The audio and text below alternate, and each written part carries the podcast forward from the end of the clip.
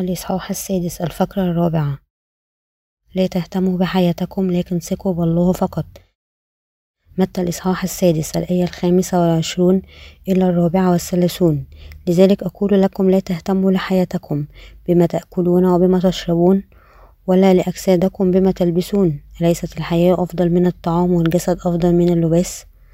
انظروا إلى طيور السماء أنها لا تزرع ولا تحصد ولا تجمع إلى مخازن وأبوكم السماوي يقوتها ألستم أنتم بالحرى أفضل منها؟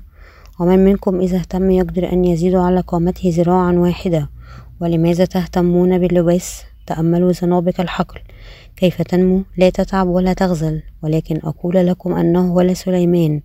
في كل مجده كان يلبس كواحدة منها فإن كان عشب الحقل الذي يوجد اليوم ويطرح غدا في التنور ويلبس ويلبسه الله. هكذا أفليس بالحرى؟ جدا يلبسكم أنتم يا قليلي الإيمان فلا تهتموا قائلين ماذا نأكل وماذا نشرب أو ماذا نلبس فإن هذه كلها تطلبها الأمم لأن أباكم السماوي يعلم أنكم تحتاجون إلى هذه كلها. ولكن اطلبوا أولا ملكوت الله وبره وهذه كلها تزاد لكم.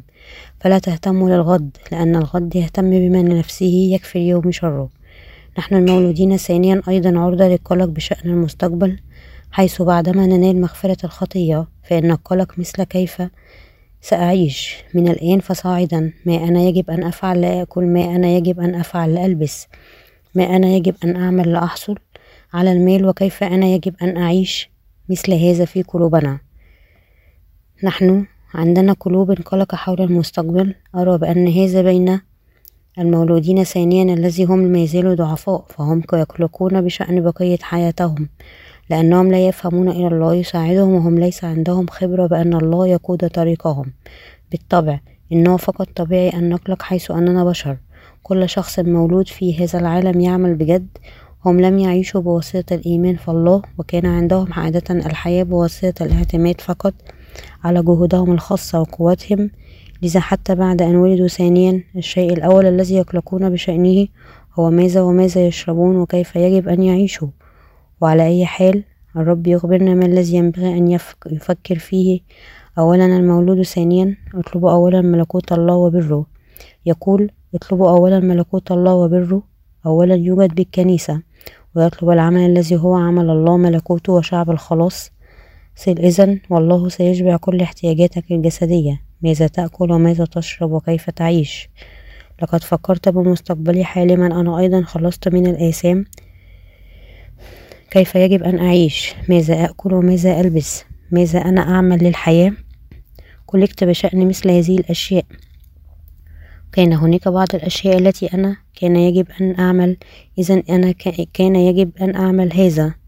أنا ما عرفت ماذا أعمل في ذلك الوقت أولئك الذين حفظوا بعض المال قبل نوال مغفرة الآثام يحتمل أن يكونوا أقل خبرة.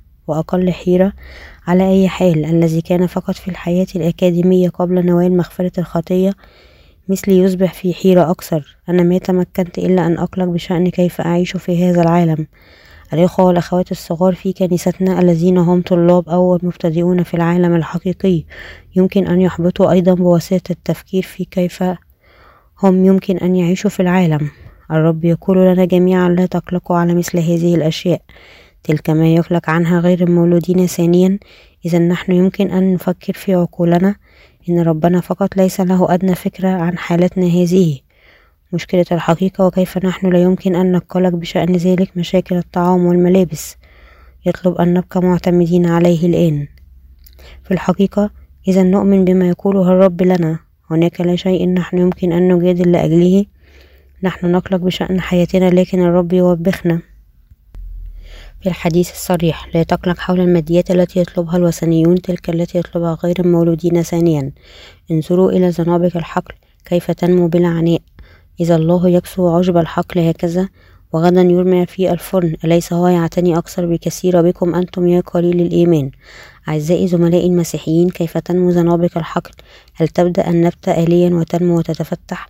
إنه لأن الله يبذرهم يعطيهم الشمس لتضيء كما يحتاجون. ويعطيهم المطر ويجعلهم يتفتحون. أعزائي زملائي المسيحيين هناك خلاف كثير بين القلق الذي عندنا والتأمين الذي يجيء من كلمة الله الحق. نحن نقلق كثيرا حول مستقبلنا الآن ولكن ليس هناك الكثير نحن يمكن أن نقول لأنه هو يسكننا ببساطة بقوله انظروا زنابق الحقل يعطى الله نور الشمس ويمطر لينمو الزنابق بشكل جيد. هل لا يعتني بنا بناء بأبنائه ليكن لكم الإيمان الذي يثق بالله. إذا أنتم يمكن أن تتصلوا مع الله. ماذا نحن نفعل؟ لتكون لنا علاقة مع الله؟ ليس هناك طريق آخر سوى أن نثق بكلمة الله. عندما نثق بكلمته كما هي نحن يمكن أن نتصل به بالإيمان. إذا الله يقول هكذا هذا عندما نثق به طبقا لكلمته التي هي الله سيسكنني ويغذيني ويساعدني لأحيا. انظروا زنابق الحقل. هل أنت عندك الإيمان الذي يعترف بمثل هذا؟ نما الله زنابق الحقل. أنا واحد من أناس الله ابن الله والله هو أبي وراعية لذا أنا أؤمن أنه سيغذيني ويكسوني. الطريق الوحيد للتخلص من القلق هو الإيمان.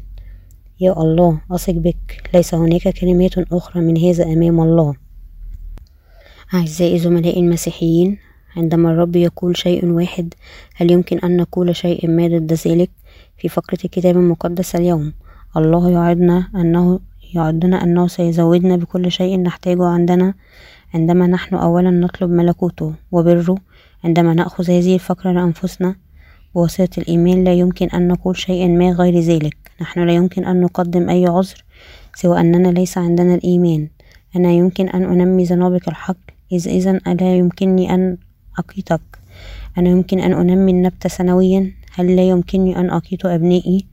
الآن ثق بي. إذ نؤمن بهذا نحن ربما لا نعتقد بهذا الطريق. المطر شيء ما الذي الله ينزله من السماء بأي طريقة وضوء الشمس شيء ما الذي يعطيه بأي طريقة. وإذا العشب ينمو. ولكن نحن لا يمكن أن نعيش بالمطر وضوء الشمس. أنتم لا تعرفون الله. كم صعب نحن يجب أن نعمل بالعيش. بالطبع ليس هناك طريق لا يعرفه الله. إذا الرب يقول هو يعرفنا كلنا. إذا نحن يجب أن نؤمن أن الله سيعطي المقدرة والحكمة والبركات التي تمكننا أن نعيش في هذا العالم.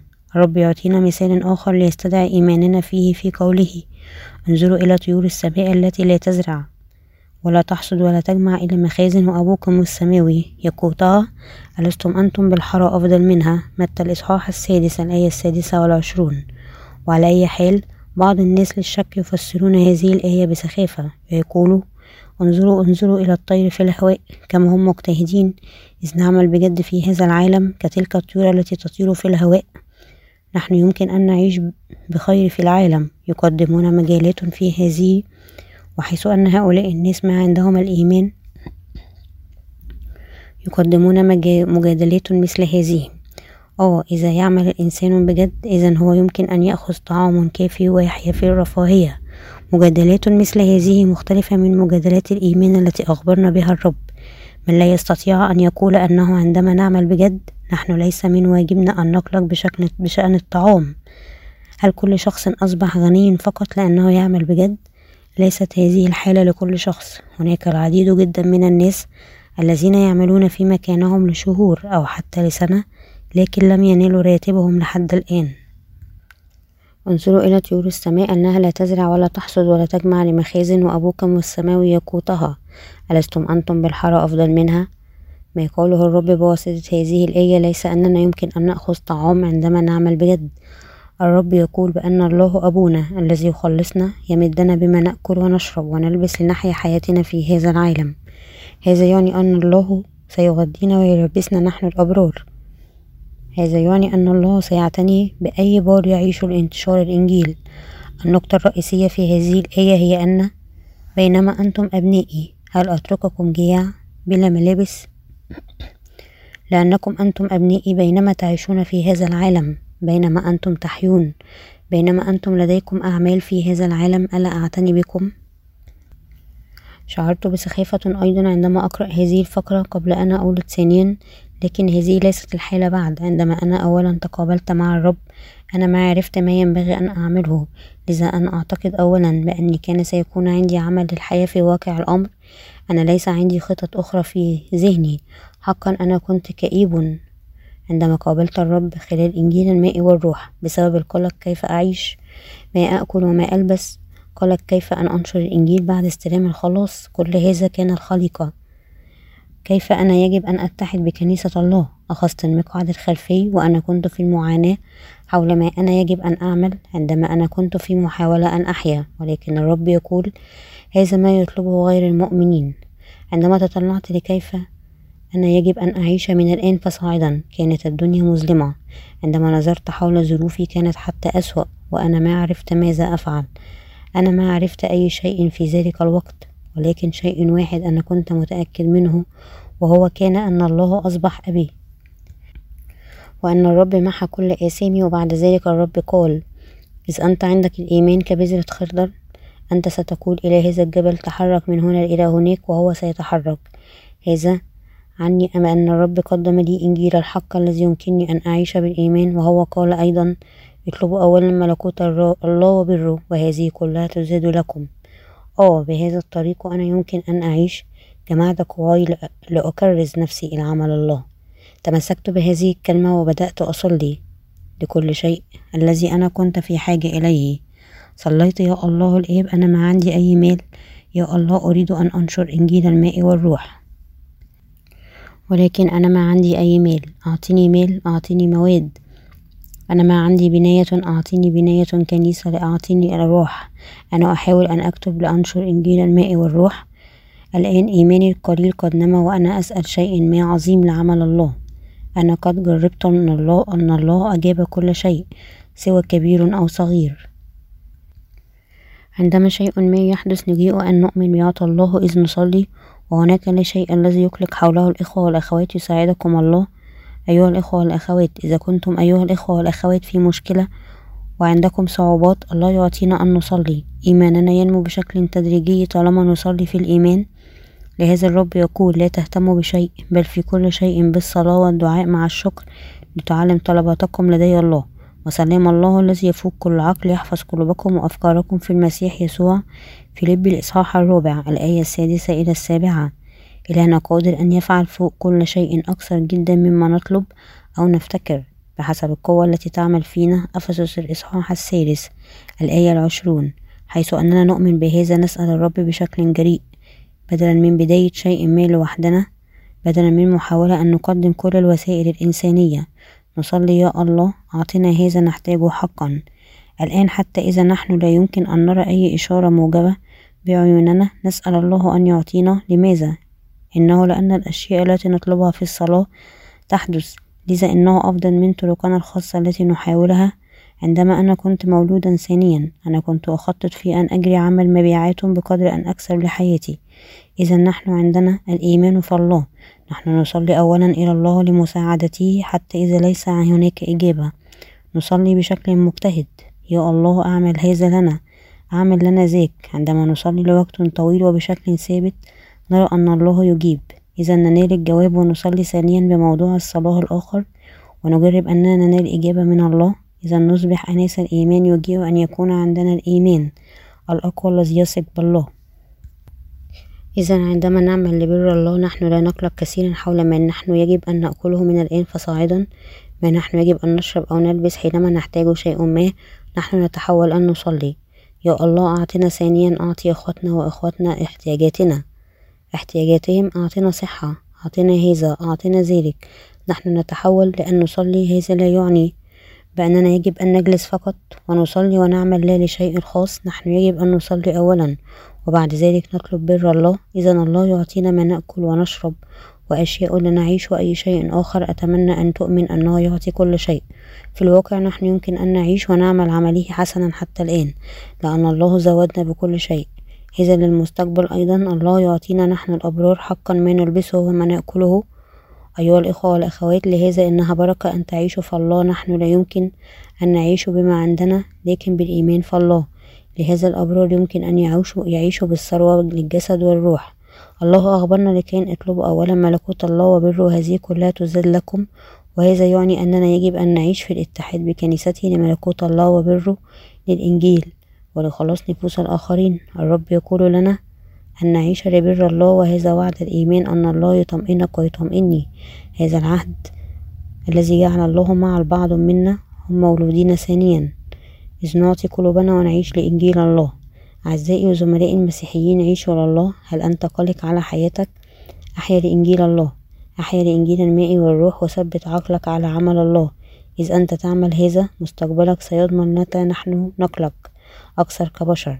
عندما موادنا بغض النظر كم صغيرة التي عشنا عليه ستنقذ نشعر أكثر بلا أمان نشعر بالراحة. إذ نحن كلنا قد انتهينا نحن فارغ اليدين حيث أننا لا نملك شيء ليخلص وليس عندنا حاجة لأي شيء. إنه أسهل أن نحاول ثانيا بالإيمان في الرب على أي حال. نحن أكثر قلقا عندما نحن لا ننفذ بالكامل ونختبر أن نعيش مع الله. كم عصبيين نصبح في خوفنا عندما نفقد حتى من نتركه. أعزائي زملائي المسيحيين سواء نحن عندنا أي شيء باقي أو لا فقط نعيش للرب للإنجيل ونثق في الرب. ثم الرب يملأنا ليس فقط على ما عندنا ولكن حتى بأكثر لأن ربنا يملأنا في الوفرة عندما نعيش للإنجيل. ذلك هو تذكروا فقرة الكتاب المقدس اطلبوا ملكوت الله وبره وهذه كلها تزاد لكم. هذا لأننا إذ نعيش على الله سوف يقدم لنا كل شيء. كان هناك أخ كان خياط لا يمكن أن يصنع مال كثير بكونه خياط وقال بأنه كان يجب, يجب أن يبقى ساهرا لبضعة ليالي ليقوم بعمل بدلة واحدة. ولذا عندما هو عمل أعمال كثيرة للكنيسة نفذت كل الأموال. إذا بدأ صلاة أمام الله. منذ ذلك الحين وطلب الناس الكثير من ملابس التدريب بدلا من البدلات. بعض الشركات بدأت تطلب ملابس بكميات كبيرة حول مائة أو ألاف ولذا عندما بدأ العمل بدأ جمع المال. إذا هو تمكن أن يعيش حتى إذا كان يخدم الرب. الحياة سوى بصنع بدلات أو ملابس تدريب لكن هناك العديد من الإخوة الذين يمكن أن يخدموا الرب أكثر لأنهم صلوا متى هم كانوا في المشكلة. هناك العديد من أمثلة مثل هذه. أي واحد الذي عاش للرب يجرب هذا؟ نحن الأبرار لا نعيش فقط بواسطة ما عندنا ونخدم الرب بما الرب زودنا لأن الرب يملأنا. كان هناك أرملة في صرفة صيدا في العهد القديم. في ذلك الوقت وكان هناك جفاف حاد لسنوات من الله. بسبب المجاعة خلصت كل شيء والشيء الأخير الباقي كان فقط حفنة من الدقيق في صندوق. عندما تخلط الطحين بالماء وتعجنه يكون هناك العجينة التي تروى جوع فقط اثنان أو ثلاثة من الناس. طوية العجينة بالدحروجة ليجعلهم خبز. اليهود يصنعون الخبز للأكل ويطوون العجينة من الطحين لجعلها فطيرة ويضعونها على النار التي مصدرها فقط الفحم. عندما هي كانت تصنع رغيف كعكة مثل الخبز للمرة الأخيرة لها ولابنها ليأكل اعتقدت بأنهم يجوعون إلى الموت. بعد هذا ثم ظهر خادم الله أوليا يا امرأة هل أنت عندك أي شيء للأكل؟ نعم أنا عندي هذا الطحين الكثير. إذا أخبزيه لي وأتيني به لكي أنا آكل. أعزائي زملائي المسيحيين لأن خادم الله أخبرها هذا.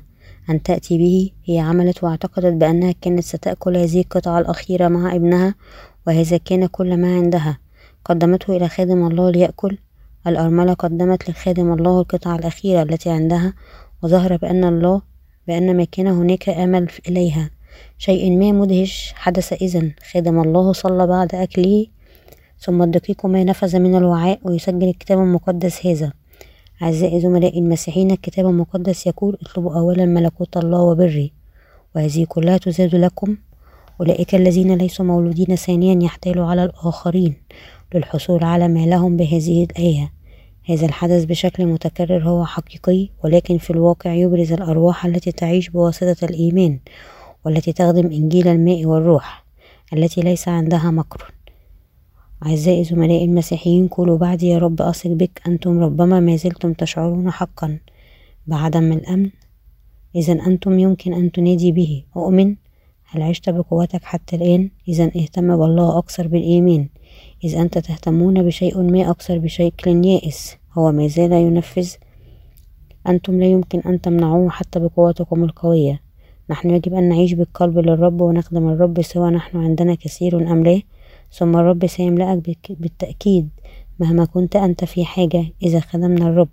إذا عليه مسؤولية أن يملأنا ويجهزنا بوفرة لأنه يمكن أن يخدم بشكل مستمر بواسطتنا حيث أنه هو قدير. حياتنا لا تعتمد على رغباتنا لكن على إيماننا. نحن خدام الله وأيضا كل الإخوة والأخوات. هل يجب أن نعيش بواسطة الإيمان؟ الإيمان الذي يختبر ما عمله الله عندما عيشوا للرب. إذ نعيش لأنفسنا إيماننا لا يمكن أن ينمو. عندما نعيش للرب إيماننا في الرب يمكن أن ينمو بشكل تدريجي. أعزائي زملائي المسيحيين هل تعرف أن بركات الله هي مثل علاوة للناس؟ الذين يعيشون بالإيمان. العلاوة شيء ما يعطى بالإضافة إلى ما هو عادي أو متوقع ويعطي الله العديد من العلاوات أيضا لخلاصه ونعيش لأن الله يعطي العديد من البركات. كعلاوة إذ هو لا يعطي علاوة لكن فقط يعطي ما نستحق. إذا نحن لا يمكن أن نعيش لو ننال ما نعمل لأجله. هل الكسلان يموت يعطي الله العديد من الأشياء في العلاوة وتلك هي بركات. ونحن نعيش سويا مع الله الذي يعطينا نعمته. أعزائي وزملائي المسيحيين إذ نثق بالله إذا الله يعمل فينا. ثق بالله هو ثق بالله حتى إذا صعب وعد الله هو أننا نثق به ولكن اطلبوا أولا ملكوت الله وبره. وهذه كلها تزاد لكم. نختبر كيف الله يعطي كلها تزاد لكم بينما تعيشون. هذا يعني أنك يجب أن تجرب كيف الله يملأ كيف يزود وكيف تختبره.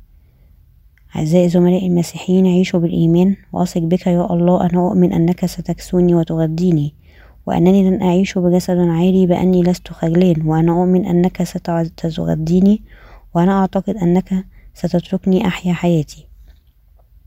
آمن مثل هذا إذ تؤمن الله. إذ تؤمن الله يجب أن يعطيه لك. هل إلهنا لا يمكن أن يعمل هذا؟ هل هو الله الذي لا يمكن أن يغذينا؟ الله هو الذي هو قوي. قوي بكفاية أن يعمل كل هذا ونحن يجب أن نتخلص من مقاييسنا الخاصة هل أنت ما زلت عندك القلق بشأن حياتك المستقبلية؟ هل أنت ما زلت عندك القلق بشأن حياتك المستقبلية؟ أنا أيضا كان عندي العديد من القلق عندما أنا كنت أتقدم في الكلية خاصة عندما أنا كنت على وشك أن أتخرج عندما كنت مبتدئ ذهبت إلى المدرسة مثل سور أنا كان عندي شيء لا قلق بشأنه. دعونا نأكل بعض الفطائر. أنا كنت غير مكترث لكن نصف السنة الدراسية الثاني من السنة التخرج بدأت أقلق. سأتخرج قريبا. أوه إذا ماذا أفعل؟ حقا ستكون مشكلة. عندما فكرت في الموضوع حقا كانت مشكلة عظيمة. أنا حتى فقدت شهيتي. في الواقع ليس فقط الطلاب ولكن أيضا كل شخص. لا يمكن إلا أن يقلق بشأن. كيف يجب أن أعيش وكيف يجب أن أكل؟ حتى بعدما خلصوا إنها بداية جديدة لأولئك المولودين ثانيا. إذ نحن مولودين ثانيا ماذا نحن عملنا في الماضي وما نوع الأشغال التي قمنا بها؟ كيف عشنا؟ لا يهم أكثر على أي حال مهما عشت في الماضي الآن أنت مولود ثانيا. في سفر الخروج الإصحاح الثاني عشر إنه مكتوب هذا الشهر يكون لكم رأس الشهور وهو لكم أول شهور السنة. الخروج إصحاح الثاني عشر الآية الثانية. الله قدم تكوين بني إسرائيل في إحياء خروجهم من مصر من عبوديتهم. سفر الخروج كان بداية جديدة لتاريخ بني إسرائيل عبروا البحر الأحمر بعد بحر الموت ووضعوا أول خطوة نحو أرض الموعد وهم كانوا من شعب فرعون بعد وأصبحوا شعب الله بدلا من ذلك. بمثل هذا من اللحظة التي نحن ولدنا ثانيا نحن المخلوقات الجديدة لهذا نحن يجب أن نبدأ حياة جديدة مختلفة كلية. إنه ليس توسع حياتنا الماضية ونحن الآن الناس الذين ماتوا مع السيد المسيح وقمنا ثانيا معه وعندنا حياة جديدة كما هو مكتوب فدفن فدفنا معه بالمعمودية للموت حتى كما أقيم المسيح من الأموات بمجد الآب. هكذا نسلك نحن أيضا في جدة الحياة. رمي الإصحاح السادس الآية الرابعة. إذا إن كان أحد في المسيح فهو خليقة جديدة الأشياء العتيقة قد مضت. ووزل الكل قد صار جديدا. كورنثوس الثانية الإصحاح الخامس الآية السابعة عشر. كل الأشياء أصبحت جديدة للمولودين ثانيا. ندرس بالأشياء الجديدة ونذهب لنعمل بالأشياء الجديدة. ونخدم الرب بالأشياء الجديدة ونعيش بالأشياء الجديدة. حياة المولودين ثانيا لربما تظهر ببساطة مثل امتداد حياتهم الماضية.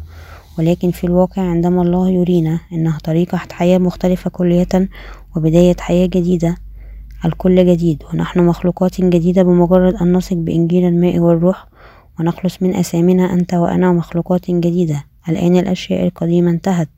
كل ضعفك وخوفك طريقة حياتك التي كانت تعتمد فقط على طرق إنسانية ذهبت. زملائي المسيحيين الأعزاء نحن سنعيش بواسطة الإيمان كما في هذه الآية. لأن البار سيعيش بالإيمان أولا الإيمان ثانيا الإيمان ثالثا وهكذا أيضا الإيمان. عندما نسقط نحن سنعيش بواسطة الإيمان ونصير جثة هل نحن نعيش بواسطة الإيمان؟ مهما كانت حالتنا في الداخل نعيش بواسطة الإيمان. هذا هو الإيمان. الإيمان جعلنا نعيش الإيمان جعلنا نعيش. هذا هو الجواب الصحيح. ولهذا الكتاب المقدس يخبرنا هذه الرسالة. فقرة الكتاب المقدس اليوم إذا لا تقلقوا قائلين ماذا نأكل أو ماذا نشرب أو ماذا سنلبس؟ يكفي اليوم شره. هذه تعني أن لا نقلق بشأن المستقبل لماذا؟ لأنه في يد الرب. لهذا الرب أخبرنا أن نقلق بشأن, بشأن الأشياء التي في المستقبل. الرب يقول لنا لا تهتموا بالغد لأن الغد يهتم بنفسه ويكفي اليوم شره. ونحن يجب أن نعيش اليوم أو غدا بالإيمان ونتحدى المستقبل بالإيمان أمام الله ونسأل الله بالإيمان. يا الله أعمل هذا لي أعمل ذلك لي. أعزائي زملائي المسيحيين نحن لا يجب أن نقلق بشأن كيفية المعيشة كيف نعتني بجسدنا؟ دعونا لا نقلق من منكم إذا اهتم يقدر أن يزيد على قامته ذراعا واحدة كم طويل أنا لكن هل أصبح أطول حتى واحد سنتيمتر؟ لأن أهتم يحدث إذا نحن نقلق بشأن بشأنه طوال الليل. مثل هذا ما أريد أن يكون هناك لا شيء ينبغي أن نقلق لأجله. ونكسب خبرتنا أو هل نكسب مال كثير.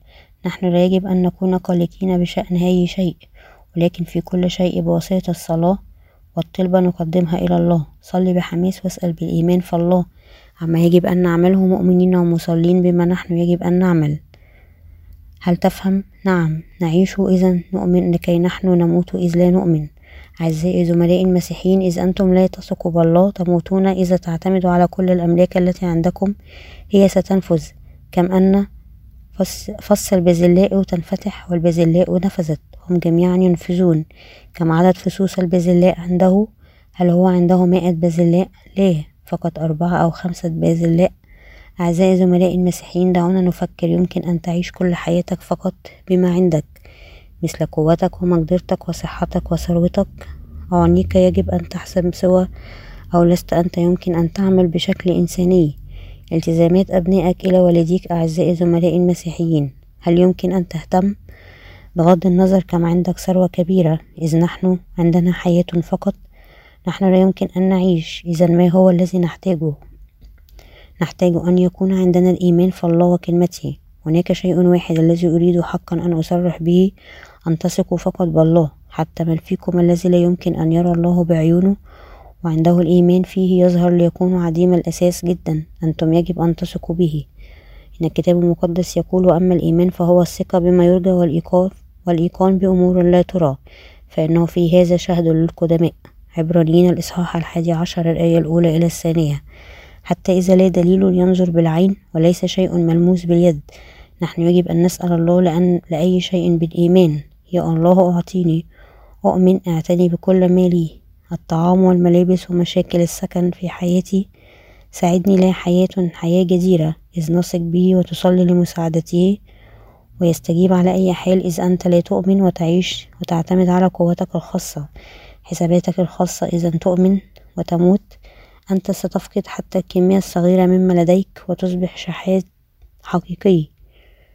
أي آية البار بالإيمان يحيا تعني أن الطريق الوحيد للبار هو أن يعيش بواسطة الإيمان. فقد ستعيش بواسطة. رمي الإصحاح الأول الآية السابعة عشر عبرانيين الإصحاح العاشر الآية الثامنة والثلاثون. أعزائي زملائي المسيحيين هناك لا شيء إلا الإيمان الذي يثق بالله. أعزائي زملائي المسيحيين هل تؤمنوا الإيمان ليس لشيء ما.